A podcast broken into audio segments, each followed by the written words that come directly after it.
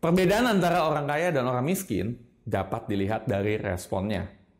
Respon datang dari mentalitasnya. Ini contoh perbedaan orang kaya dan orang miskin. Ketika diberi pertanyaan, contoh, bisa nggak naikin omset dua kali lipat? Orang miskin akan bilang, bisa sih, tapi susah. Gimana ya? Sekarang situasi sedang tidak kondusif nih, dan orang sedang nggak ada uang. Orang kaya akan bilang, susah, tapi bisa. Kita coba cari celah, cara baru untuk jualan. Lihat referensi di luar negeri, pada ngapain aja sih? Terus si miskin akan bilang, wah, masalahnya sekarang lagi lesu bos.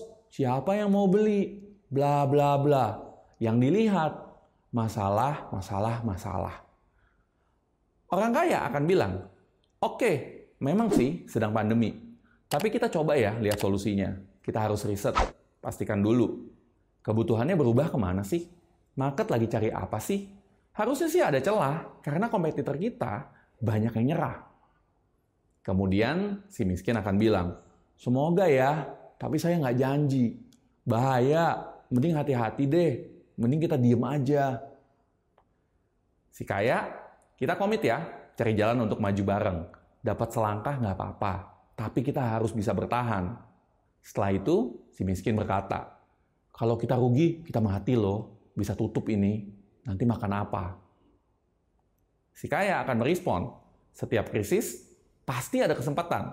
Kita jalan tapi tetap waspada selagi semua orang diam. Banyak perbaikan dan upgrade kok yang kita bisa lakukan karena kita ada waktu. Perbedaan si miskin dan si kaya adalah dari cara pandangnya melihat sesuatu.